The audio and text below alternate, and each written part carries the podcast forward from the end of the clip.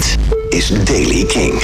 Nieuws over het Spaanse Mad Cool Festival, Swimmers en Green Day. Dit is de Daily King van woensdag 30 oktober. Het Spaanse Mad Cool Festival is volgend jaar voor de vijfde keer. En ze hebben uitgepakt nu al met een eerste reeks headliners die gisteren bekend zijn gemaakt. Waaruit duidelijk blijkt, we hebben een feestje te vieren. Volgend jaar op het Mad Cool Festival staan Tovolo, Al J, The Pixies, 21 Pilots, Billie Eilish en Taylor Swift. De vijfde verjaardag van Mad Cool wordt ook gevierd met een extra festivaldag, extra stages en een vergroting van de capaciteit van het aantal bezoekers dat per dag het terrein op kan. Dat wordt verhoogd naar 60.000 mensen. Het Mad Cool Festival in Madrid in Spanje vindt plaats van 8 tot en met 11 juli volgend jaar.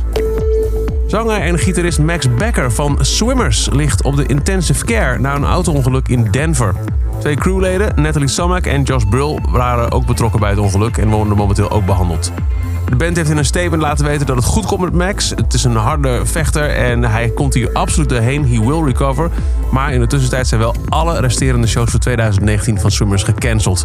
Het ongeluk gebeurde op weg naar een show met Matt en Kim, waar Swimmers de support voor doet. Waarbij zwart ijs, black ice, ervoor zorgde dat de bestuurder de macht over het stuur kwijtraakte van het busje.